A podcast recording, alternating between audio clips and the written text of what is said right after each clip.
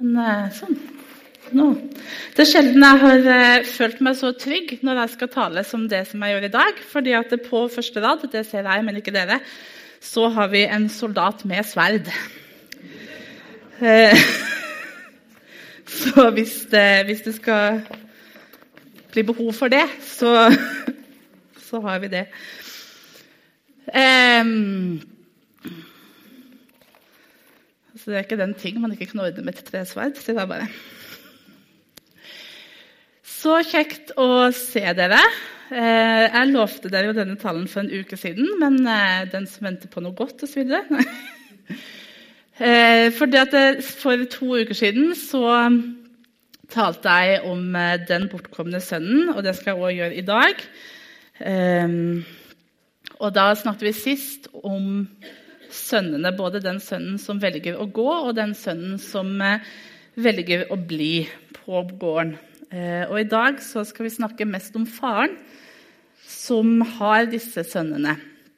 Eh, og Jeg skal lese teksten. Den står i Lukas 15, fra vers 11. Jesus sa, en mann hadde to sønner.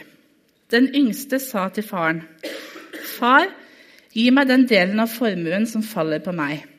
Han skiftet da sin eiendom mellom dem. Ikke mange dager etter solgte den yngste sønnen alt sitt og dro til et langt, land langt borte. Der sløste han bort formuen sin i et vilt liv. Men da han hadde satt alt over styr, kom det en svær hungersnød over landet, og han begynte å lide nød. Da gikk han og søkte tilhold hos en av innbyggerne der i landet og mannen sendte han ut på markene sine for å passe grisene. Han ønsket bare å få mette seg med de belgfruktene som grisene åt, og ingen ga han noe. Da kom han til seg selv og sa, hvor mange leiekarer hjemme hos min far har ikke mat i overflod, mens jeg går her og sulter i hjel? Jeg vil bryte opp og gå til min far og si, Far, jeg har syndet mot himmelen og mot deg.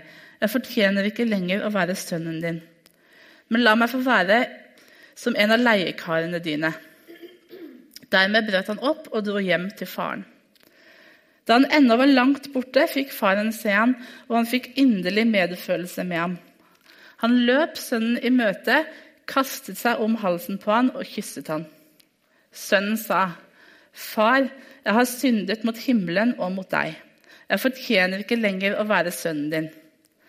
Men faren sa til tjenerne sine, Skynd dere! Finn fram de fineste klærne og ta dem på han. Gi han ring på fingeren og sko på føttene. Og hent gjøkalven og slakt den, så vi kan spise og holde fest. For denne sønnen min var død og har blitt levende. Han var kommet bort og har blitt funnet igjen. Og så begynte festen og gleden. Imens var den eldste sønnen ute på markene. Da han gikk hjemover og nærmet seg gården, hørte han spill og dans. Han ropte på en av karene og spurte hva som var på ferde. Din bror har kommet hjem, svarte han, og din far har slaktet gjøkalven fordi han har fått den tilbake i god behold. Da ble han sint og ville ikke gå inn. Faren kom ut og prøvde å overtale ham.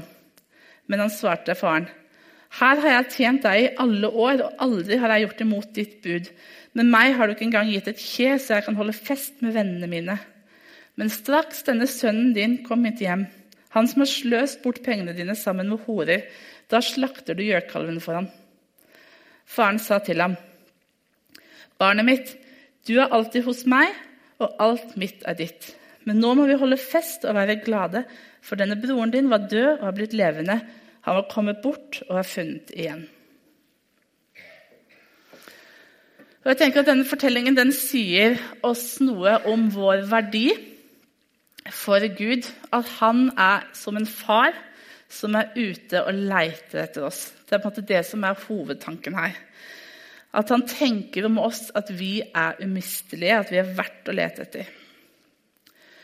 Og de av dere som er foreldre, som sitter her, kan helt sikkert kjenne igjen den bunnløse fortvilelsen som den faren må kjenne på når han ikke har sønnen hos seg. Han på en måte lever i den spenningen med at sønnen har forlatt ham, og at han har tatt noen valg som ikke sønnen ønsker, at han er et land langt borte. Um, fordi at den sorgen um, over å miste et barn, den tror jeg på en måte alle foreldre vet noen ting om. Og vi som ikke er foreldre, vi har vært i andre enden i alle fall, og vært barn. Og har iallfall opplevd, kanskje og forhåpentligvis, at vi har vært umistelige for foreldrene våre. Og kanskje har vi òg opplevd hvordan det er og hvordan det kan oppleves når vi er borte.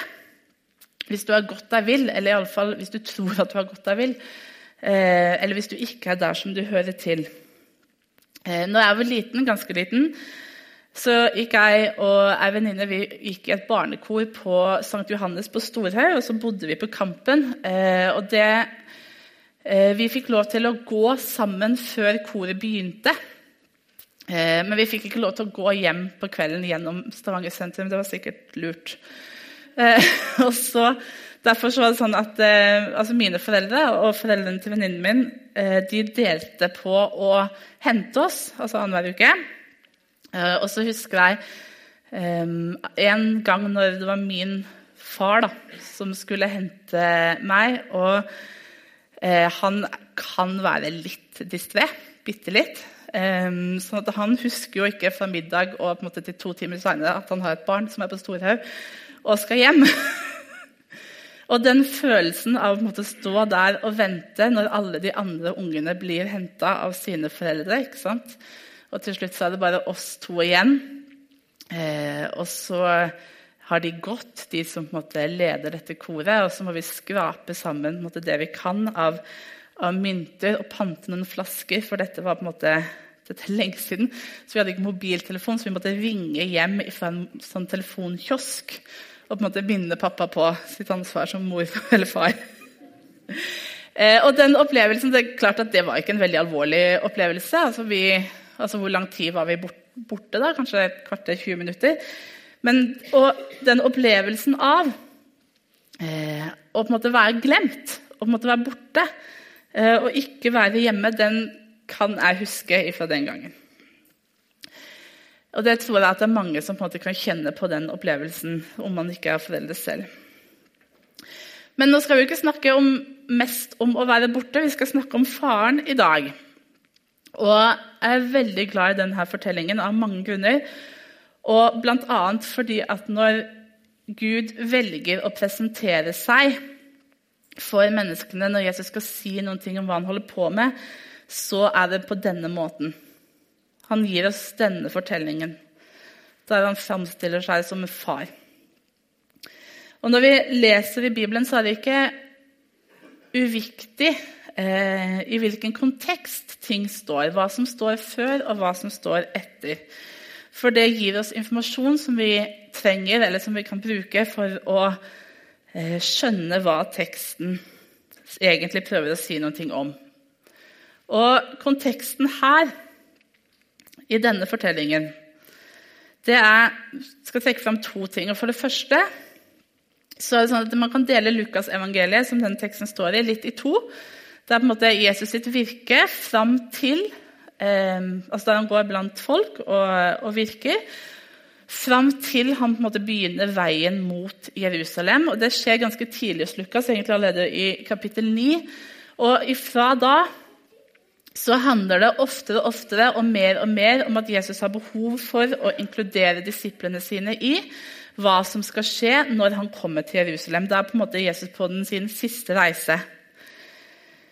Eh, så Det er det ene perspektivet, at denne fortellingen som står i Lukas 15, den står i en kontekst der Jesus har begynt å fortelle disiplene sine, vennene, de som skal på en måte ta over, eh, hva han egentlig har kommet for.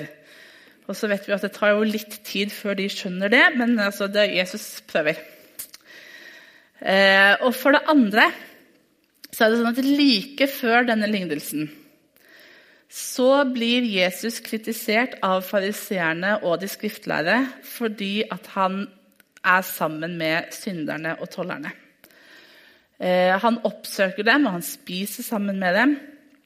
Og Det syns nok fariseerne og de skriftlærde var veldig problematisk. på en måte. Hvis de skal akseptere Jesus som en lærer eller um, som en som har noe å si, i en religiøs kontekst så er det problematisk at han velger å være med de som til de grader har falt utenfor. Fordi at for en fariseer så var det viktig å leve rett. Det å holde Guds bud og leve i overstemmelse med Guds bud, det er på en måte veien til Gud eh, og til måte Guds favør. Og det på en måte fører til to ting. Altså for det første så blir det veldig viktig måte, å holde det rent og på en måte da ta avstand fra de som kan ødelegge det. Og da er det nesten litt sånn at Jo verre liv man lever, jo større sjanse er det for at man på en måte kan ødelegge eh, for fariseerne. Og for det andre så fører det til en sånn selvrettferdiggjøring en sånn selvhevdelse i at vi klarer dette. Vi er de flinke, vi er de som på en måte har kommet lengst på veien til Gud, i motsetning til dere. Um, så en lærer, en religiøs lærer på den tiden bør egentlig ikke være med synderne og tollerne. Han bør iallfall ikke gå hjem til dem og spise sammen med dem. fordi et sånn fellesskap som måltidet er, det kan man ikke ha med sånne som åpenbart lever på tvers av Guds bud. Og det er på en måte den kritikken Jesus må svare på mange ganger. Og så velger han å gjøre det eh, på denne måten. Forteller tre lignelser. Først om eh, kvinnen som har mista en sølvpenge, og så om en bonde som har mista en sau. Og så slutter han med denne, med en mann som har to sønner, og hvor den ene sønnen velger å gå. Og så er det klart at for de som hører på, så vet de at eh, når Jesus snakker om faren, så er det Gud som far. Og så får vi en del informasjon om Gud som far på en måte i denne lignelsen. Fordi ut ifra den kulturen det er sagt noen ting inn, som det er sagt inn i. For så får vi vite at den eh, faren er ganske rik. Fordi at han har leiekar, altså han har mulighet til å ansette noen. Han har en gjøkalv, altså han har muligheten til å ha et dyr gående bare i, på oppfeiting bare i tilfelle han får behov for noe festmat. Um, så det er klart at det de tilhørerne hører når Jesus begynner å fortelle den historien, er at det, det ikke bare er en hvilken som helst far, men hvilken som helst sønn det er kanskje den mest akta mannen i den landsbyen, den rikeste mannen. Og så er det flere ting som eh, er spennende i den teksten. Og For det første så er det sånn at når den sønnen kommer og ber om å få den delen av arven som tilfaller han, så er det en helt hårreisende problemstilling. Eh, det går det ikke an å spørre om. For i sak sier jo den sønnen til faren at eh, 'du er som død for meg'. Eller 'jeg skulle ønske du var død', eller 'det hadde vært bedre for meg hvis du var død'. Og så har han lyst til å leve sitt liv uavhengig av familien som han er en del av. Og så kan vi tenke Ut ifra vår kultur så kan vi nok til en viss grad forstå det. Og så samtidig så tenker vi at det er jo ikke så spesielt eh, at sønnen ønsker litt privatliv. Det er ikke så spesielt at sønnen har lyst til å prøve noe annet enn å gå der hjemme på gården. og Kanskje ikke særlig fordi det er den yngste sønnen, så det er jo ikke egentlig han som skal ta over heller. Vi ville kanskje tenkt at nesten det er merkeligere andre veien, ikke sant? med barn som aldri flytter hjemmefra. Eh, mamma har et sånt ord som jeg ikke vet om det er bare mamma som har, eller om det er et ekte ord. Men eh, attgløyminger. Altså sånne som på en måte blir gående på gården helt, og aldri gifte seg, aldri stifte sin egen familie, aldri kommer seg vekk. Og til slutt så, måte, så er de der måte helt aleine. Når foreldrene dør, så, så, har de liksom ingenting lenger. Um, så i vår kultur så er det jo ganske vanlig både å få forskudd på arv og på en måte at man drar ut. Men dette er jo en kultur der familien står utrolig mye sterkere enn det jeg tror vi kan forestille oss. Og jeg leste en masteroppgave som er skrevet på, av en som heter Lars Christian Heggebø på Misjonshøgskolen for noen år siden. og Han henviser til en undersøkelse som har blitt gjort i, i kulturer um, i Midtøsten, der de på en måte forteller denne historien, og så spør de på en måte, hva har du noen gang opplevd at en sønn har bedt faren sin om å få sin del av arven før han er død. Og det er ingen som har hørt om det. Altså, Det har ikke skjedd. Eller det er kanskje det er én som kan huske at det en gang har skjedd. Eh, og den sønnen ble på en måte sendt på døra og fikk beskjed om å skjerpe seg. Og, eh, for det, er ikke sånn man gjør. Og Det er selvfølgelig forskjell på kulturen i Midtøsten i dag i forhold til hvordan det var den gangen, men det sier på en måte noe om hvor sterkt familien står. Og Noe annet som sier noe sterkt om det, er på en måte Moseloven.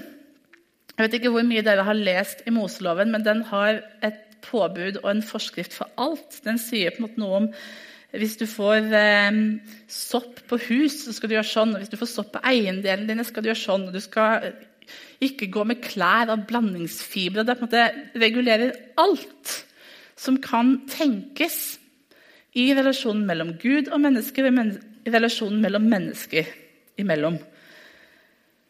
Og det som er interessant er at Den sier ingenting om hvordan man skal forholde seg til et barn som kommer og ber om å få arven sin. For det kan bare ikke skje. Det er så helt utenkelig.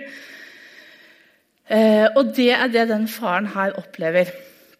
At sønnen kommer og i sak sier at 'jeg skulle ønske at du var død, og jeg har lyst til å leve uten deg'. Og Som en konsekvens av det så er det jo ikke bare de følelsesmessige konsekvensene.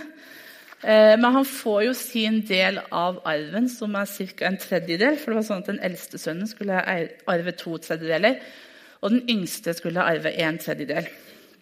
Og så selger han det. Som jo gjør at han tar vekk en tredjedel av familiens livsgrunnlag.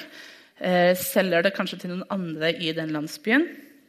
Eh, han vil på den måten føre skam over familien, for de vil se Altså, landsbyen vil se at de har ikke noe kontroll over sønnen sin, og det vil komme fremmede mennesker inn og ha egenrett på en del av den gården som de fremdeles lever av. Um, sånn at han bretter på en måte ut um, for hele den landsbyen hva han gjør. Uh, og så drar han av gårde og fører enda mer skam over familien ved det livet som han lever eh, ved fest for å bruke pengene eh, Å leve et liv som på en måte ikke sømmer seg i det hele tatt. Eh, og med den konsekvensen at det ender i regnestenden eh, eller i grisebingen, bokstavelig talt. Og for jødene som er jo grisen et ureint dyr. Så det måte å leve blant griser gjør at i tillegg til alt det andre, så er han kultisk urein. Så han kan på en måte ikke være sammen med andre jøder. Han kan ikke komme hjem. Så det som på en måte har skjedd så langt i fortellingen, er at nå har faren i denne fortellingen blitt far til en sønn som ikke kan tilgis. For det er altfor mye galt, og det er for mange bruer som er brent, og det er ingen vei tilbake. Og det er klart at For de som hører denne lignelsen første gangen, rett etter at fariseerne har kritisert Jesus for å være med syndere og tollere, så maler han et bilde for dem som viser det verste av det verste. altså Noe som er til og med dårligere stilt enn en alminnelig toller eller en alminnelig synder. Det minst akseptable av alt. En sønn som ikke kan tilgis. Og så fortsetter han med å male et bilde av en far som ikke møter noen krav eller forventninger til hvordan en far skal opptre. For, for det første så etterkommer faren sønnen sitt ønske om å få arven og setter ham på den måten fri til å velge selv om han har lyst til å bli på gården eller om han har lyst til å dra. I en kultur der alle hadde forventa at faren skulle satt foten ned og nekta sønnen å dra. Um, omtrent låst han inne til han hadde kommet på bedre tanker. Så får han lov til å få et reelt valg om å dra eller å bli. På samme måte som Gud har gitt oss et reelt valg om å velge han eller ikke velge han. At vi kan få lov til eh, å velge Gud og tilhøre han, eller vi kan få lov til å velge å gå våre egne veier. Og så vet vi jo fra bibelhistorien at det går ikke så bra med Adam og Eva når de får dette valget, så de velger på en måte å gå sine egne veier. Um, og jeg tenker at den sorgen um, som en far må leve med når barnet velger noe sånn, den lever Gud med helt reelt i møte med de av oss når vi velger å gå vår egen vei. Og så kommer sønnen tilbake. Eh, for å be ikke om å få komme tilbake som sønn, eh, for det er jo helt håpløst, men eh, å få lov til å være leiekar og Det kan jo høres ut som at det er til å leve med, men det er det egentlig ikke. Det er en posisjon som er dårlig, altså man er dårligere stilt enn en slave. For en slave vet i alle fall at han har jobb og mat og klær for dagen i dag og dagen i morgen, mens en leiekar vet egentlig ikke mer enn at han har for i dag. Så må han hver eneste dag be om arbeid og be om lønn, om få lov til å høre til. Og så er det sånn Når da sønnen kommer for å be om dette, så kan faren i denne kulturen og i dette samfunnet med rette Og det hadde antagelig vært forventa at han enten tok livet av sønnen, eh, eller i alle fall at han ikke tok han inn på gården at han ikke får lov til å komme inn, verken som leiekar eller som noe annet. Eh, og kreve bot og bedring, eller at han altså Jeg tenker at han hadde vært veldig veldig nådig og omsorgsfull om han hadde latt han få komme og være leiekar. Altså, da hadde denne faren vist storsinn. Det er ingen som hadde forventa det. Fordi det som hadde vært den forståelige og fornuftige reaksjonen, hadde vært å sagt at du regner meg som død, og jeg regner deg som død. Men det er ikke det faren gjør. ikke sant? Eh, han går mye lenger enn alle andre fedre gjør i å på en måte velge lidelse og skam for å gjenopprette det som er ødelagt. Fordi det, det, er jo mer skam for familien å ta han tilbake enn det på en måte hadde vært å stå i det og tenke at du er ikke en del av oss. Og så sier teksten at da han ennå var langt borte, fikk faren se ham. Og jeg tenker at Det må være fordi at faren er ute og kikker. Han er ute og leiter.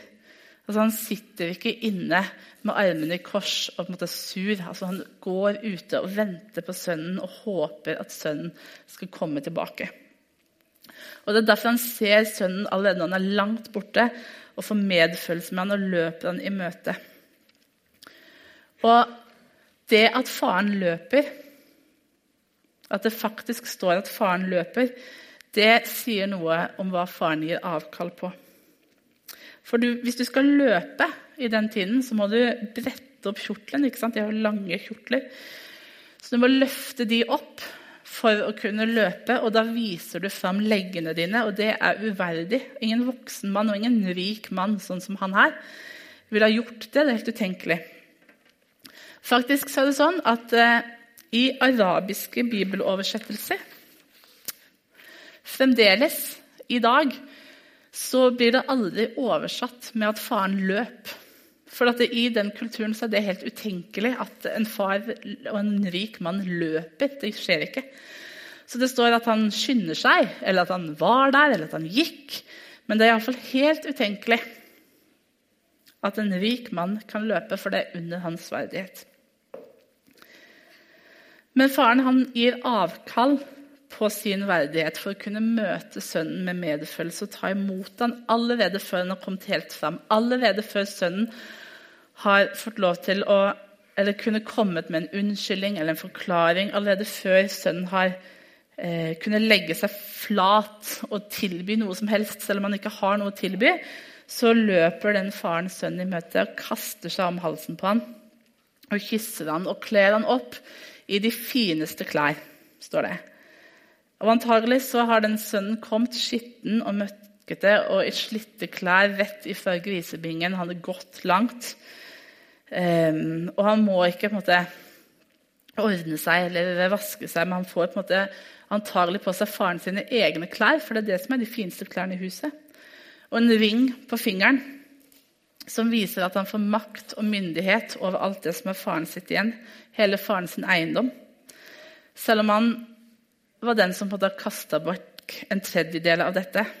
Eh, og selv om han har ført skam over familien, og selv om han har gjort det vanskelig for familien som ble igjen, så gjenoppretter faren alt dette, gir han nye klær og gir han eh, makt og myndighet tilbake. Og så slakter de den gjøkalven som de har gående, antagelig i påvente av at den eldste sønnen skulle gifte seg. Eller hvis de skulle få besøk av noen virkelig høytstående guvernør. eller et eller annet. Og fordi at Det å slakte og servere gjøkalven betyr at du er nødt til å invitere hele landsbyen. fordi at det er mat kanskje til 100 mennesker. Så det er ikke på en måte noe du gjør hjemme på fredagskvelden til tacoen. på en måte. Um, så det betyr at faren lager en helt offentlig fest og inviterer hele landsbyen for å feire og gjøre ære på den sønnen som ikke har gjort noe annet enn å skuffe han. Han som gjorde det utenkelige og brakte familien så mye offentlig skam. Eh, han gir faren like mye offentlig ære. Og det er faren som er den som er den handlende part. Det er han som er den som gjenoppretter den ødelagte relasjonen. Og det er han som gir tilbake de rettighetene som sønnen har gitt avkall på. Og som med all tydelighet sier at her er du velkommen hjem. Du er velkommen tilbake, for det er her du hører til. Og det er sånn Gud velger å presentere seg for oss.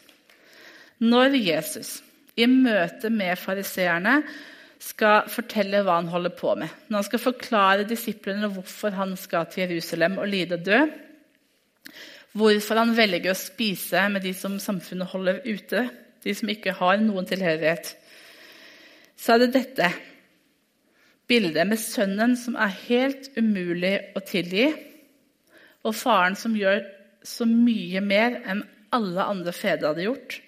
Mye mer enn det som er sosialt akseptert. Mye mer enn det man egentlig kan tenke seg for å ta sønnen tilbake.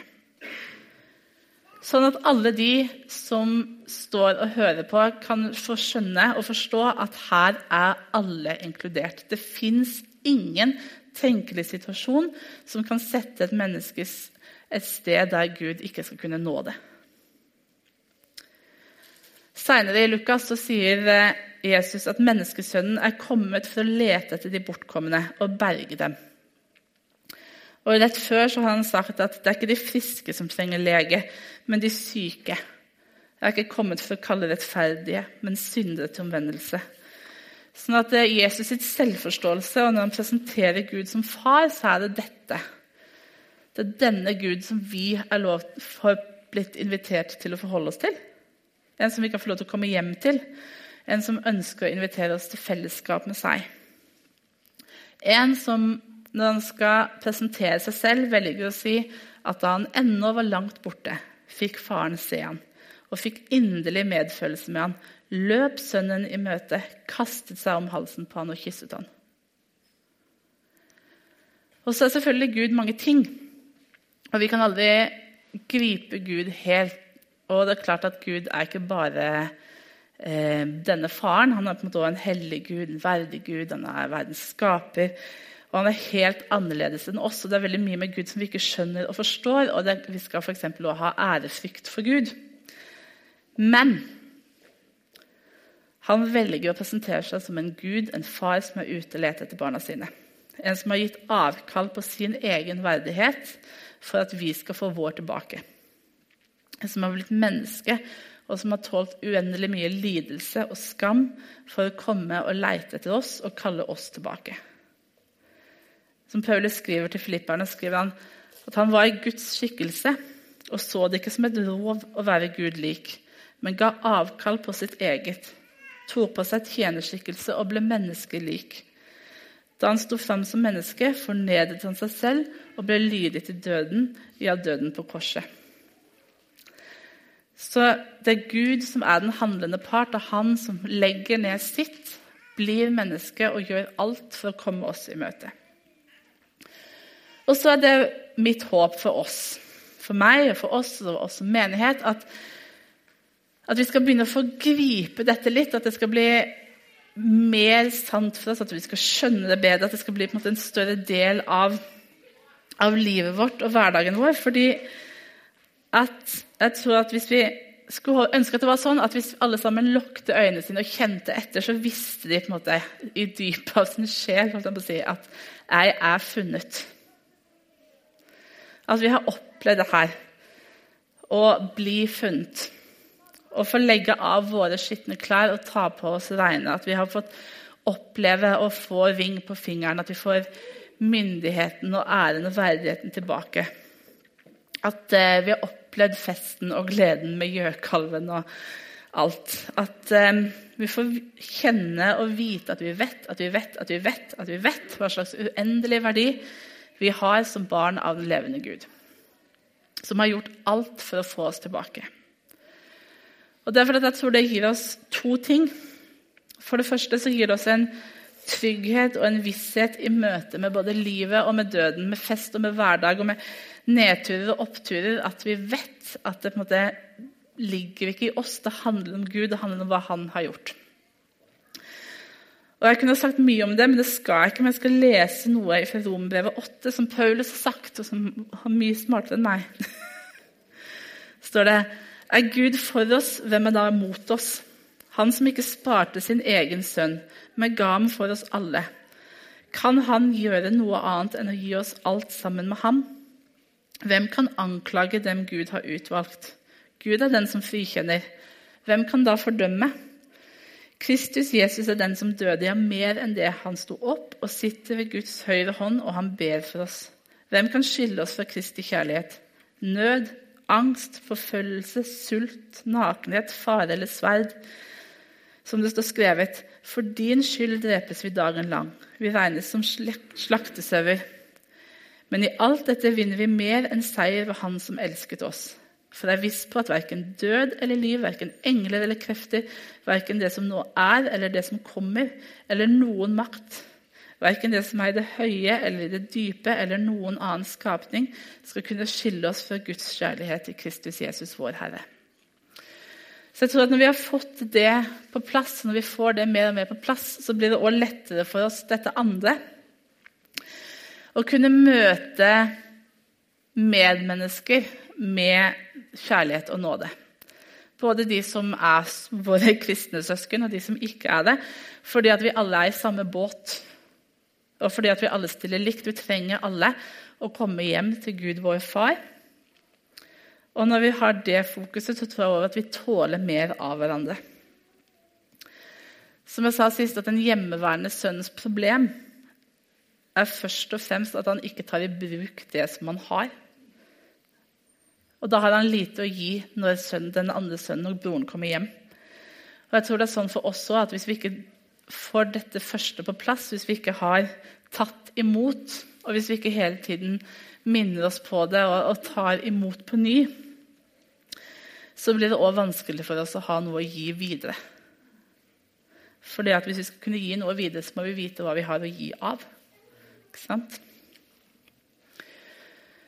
Og så, Nå er jeg egentlig ferdig, men uh, før vi ber, så vil jeg bare si en ting. og det er at Alle sånne bilder som Bibelen bruker, når f.eks. Bibelen sier at Gud er vår far, så er det nettopp det. Det er bare bilder ikke sant?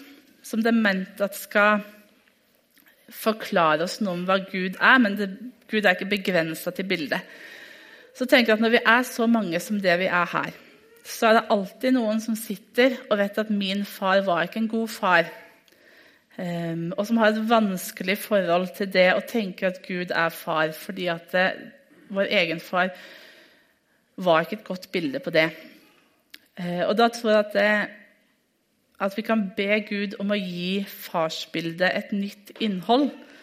At ikke den dårlige erfaringen som vi har, er det som på en måte setter grensen for hva vi tenker Gud er, men at Gud kan vise oss hva det er å være en god far for oss. Um, og Det tenker jeg det er viktig å si når vi snakker om sånne bilder, for det er bare det bilder. Um, og hvis man har opplevd at far er vanskelig, så er ikke Gud som far vanskelig skal vi be. Kjære Jesus, jeg har lyst til å takke deg for at um, du har kommet for å bane en vei og hjelpe oss til å gjenopprette fellesskapet med Gud som vår far. At du eh, har gjort det mulig for oss å, um, å komme hjem. At eh, du er ute og leiter. Og du er ute og kikker, og du står ved porten og ser etter oss og vil at vi skal komme. Og når vi kommer, så tar du imot oss med nåde og med kjærlighet. Og du eh, gir oss nye klær og ny verdighet og en ny sjanse. Og jeg ber om at eh, du skal gjøre det tydelig for oss, hver og en av oss, hva det vil si at du er vår far. Hva det vil si å ha kommet hjem. La oss få se hva vi har, hva vi har fått av deg. Og hjelp oss å, å gi dette videre. Til å leve i det sånn at vi har noe å gi av. At det blir mat for oss, men at det òg blir mat nok i overflod, så vi har noe å dele. Hjelp oss å møte hverandre med nåde og med aksept og tålmodighet og kjærlighet, sånn som vi har blitt møtt med nåde og aksept og kjærlighet og tålmodighet. Amen.